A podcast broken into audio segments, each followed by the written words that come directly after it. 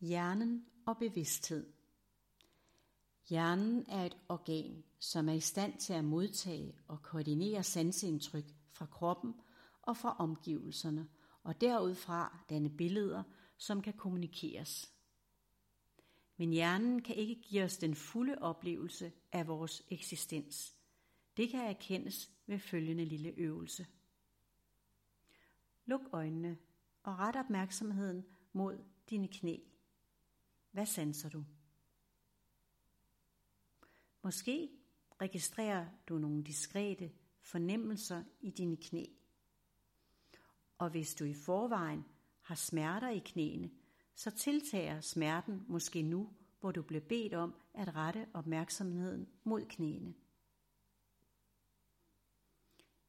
Hvis du mærker knæene, hvad er det så, du oplever?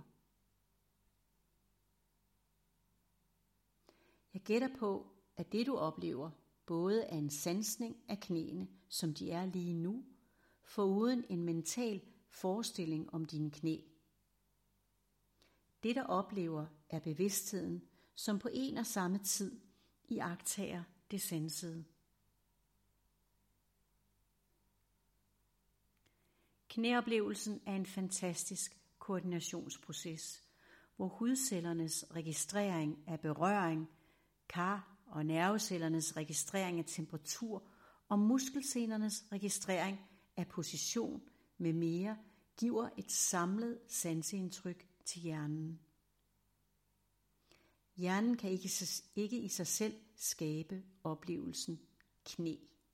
Det kræver en levet erfaring af knæ på celleplan. Der er nogen eller noget, der skal forholde sig til knæet, eksempelvis ved at røre ved det, for at knæet kan mærkes og opleves til fulde. Ellers kan det alene være et mentalt billede, hvilket naturligvis også er en oplevelse af knæ, blot på et mentalt plan. Fortsæt nu knæoplevelsen på følgende måde. Luk dine øjne og ret din opmærksomhed mod knæene og sid stille på denne måde et lille stykke tid. Når du er i ro, så læg en hånd på det ene knæ og sid igen stille på denne måde et stykke tid. Hvordan er knæoplevelsen nu?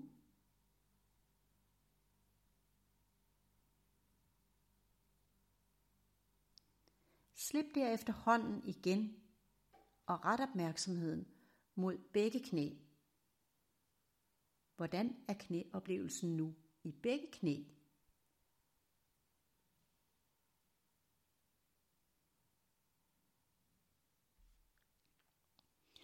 Denne øvelse viser, hvordan det at være i en krop kan være en mere eller mindre intens fysisk oplevelse, som forstærkes, når vi er i direkte kontakt med noget eller nogen. Kropsbevidstheden øges gennem vores livserfaringer, og jo mere lægemeliggjorte erfaringer vi har, desto mere intens og følelsesfuld er oplevelsen. Vi kan også leve overvejende i en mental verden, det er blot en anden oplevelse. Bevidsthed er i alle organer, i hele kroppen. Det vi sanser gennem kroppen, erkendes med en højere bevidsthed, der også er forbundet med det, der kunne kaldes det underbevidste, som blandt andet er repræsenteret ved kroppen. Tilsammen kunne det kaldes det absolute bevidste, hvorved jeg forstår bevidstheden om al eksistens, uden at det dermed er afgrænset til en enkelt enhed. Jeg har hørt omtalt fra videnskabelig side, at vi kun er bevidste om en meget lille brøkdel af vores univers og vores eksistens. Astronomer siger, at de er bevidste eller vidende om cirka 5% af universet. Velvidende, at universet konstant udvider sig, så procentangivelser er usikre.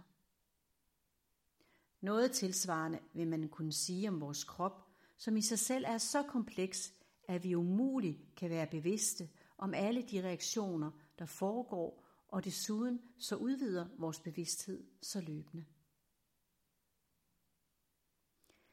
Hjernen og resten af kroppen modtager informationer døgnet rundt, og langt de fleste passerer forbi intellektet. Et eksempel på det kan være den kropslige rendring, der er efter et alvorligt traume, hvor smerten fortsætter med at dukke op lang tid efter, at ulykken er over, og hvor den måske er væk i selve ulykkesøjeblikket. Et andet eksempel kan være den bevidsthed, der regulerer væksten af en negl, som foregår helt uden intellektets involvering.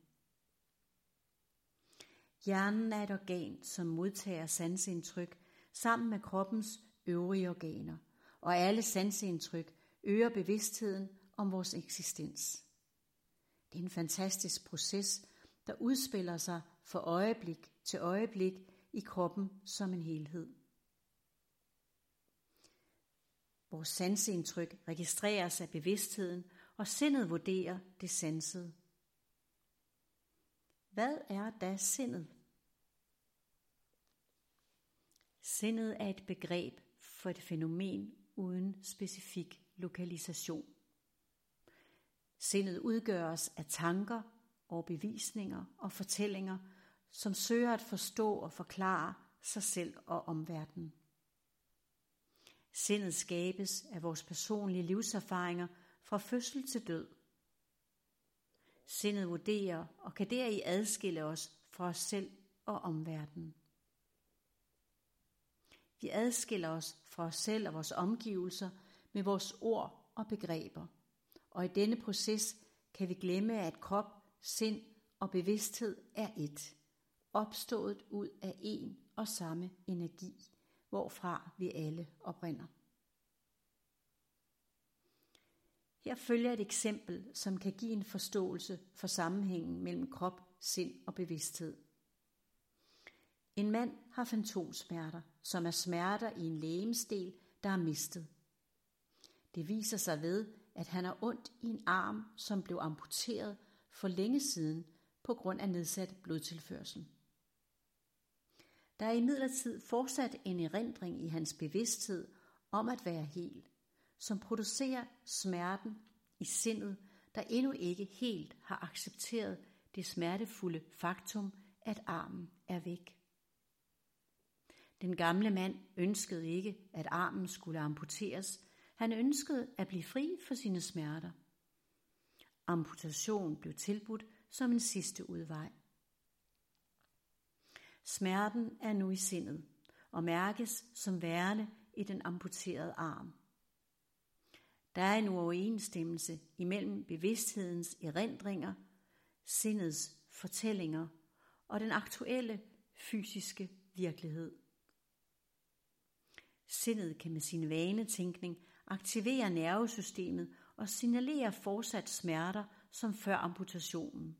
Og det udtrykker manden ved at fortælle, at han har ondt i den arm, som han godt ved ikke er der, når man taler til hans højere bevidsthed. Det kan betragtes som et ar eller et sår i sindet, som kan udløses igen og igen. Eftersom sindet ikke eksisterer i fysisk forstand, kan det også beskrives som en form for vanetænkning, der fastholder ham i smerten. Noget tilsvarende kan jagtages ved psykiske traumer, når en person igen og igen tænker på eller taler om den traumatiske hændelse, og derved vækker smertefulde følelser i sig selv. I forhold til fantomsmerter har nogle mennesker glæde af at sidde foran et specialvinklet spejl, hvor de med den eksisterende arm på bordet foran spejlet får en visuel oplevelse af, at begge arme fortsat er der. Herved er der noget, der slipper sammen med smerten.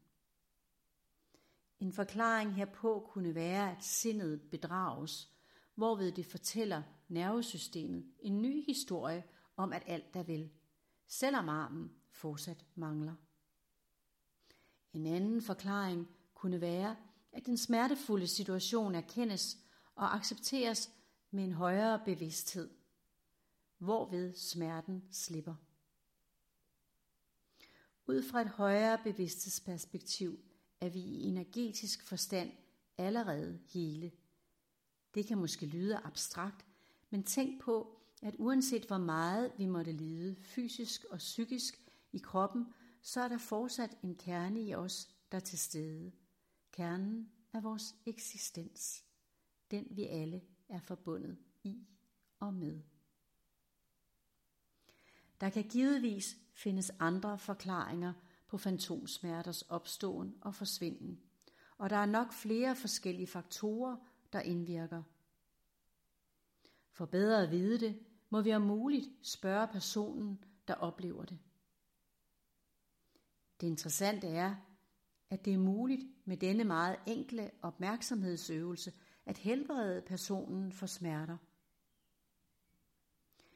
Metoden kan sammenlignes med mindfulness, hvor det, der tiltrækker sindets opmærksomhed, observeres, accepteres og slippes med større bevidsthed.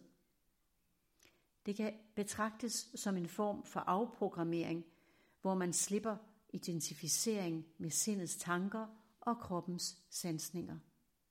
En proces, der ofte må gentages. På den måde kan bevidsthed hele vores lidelser.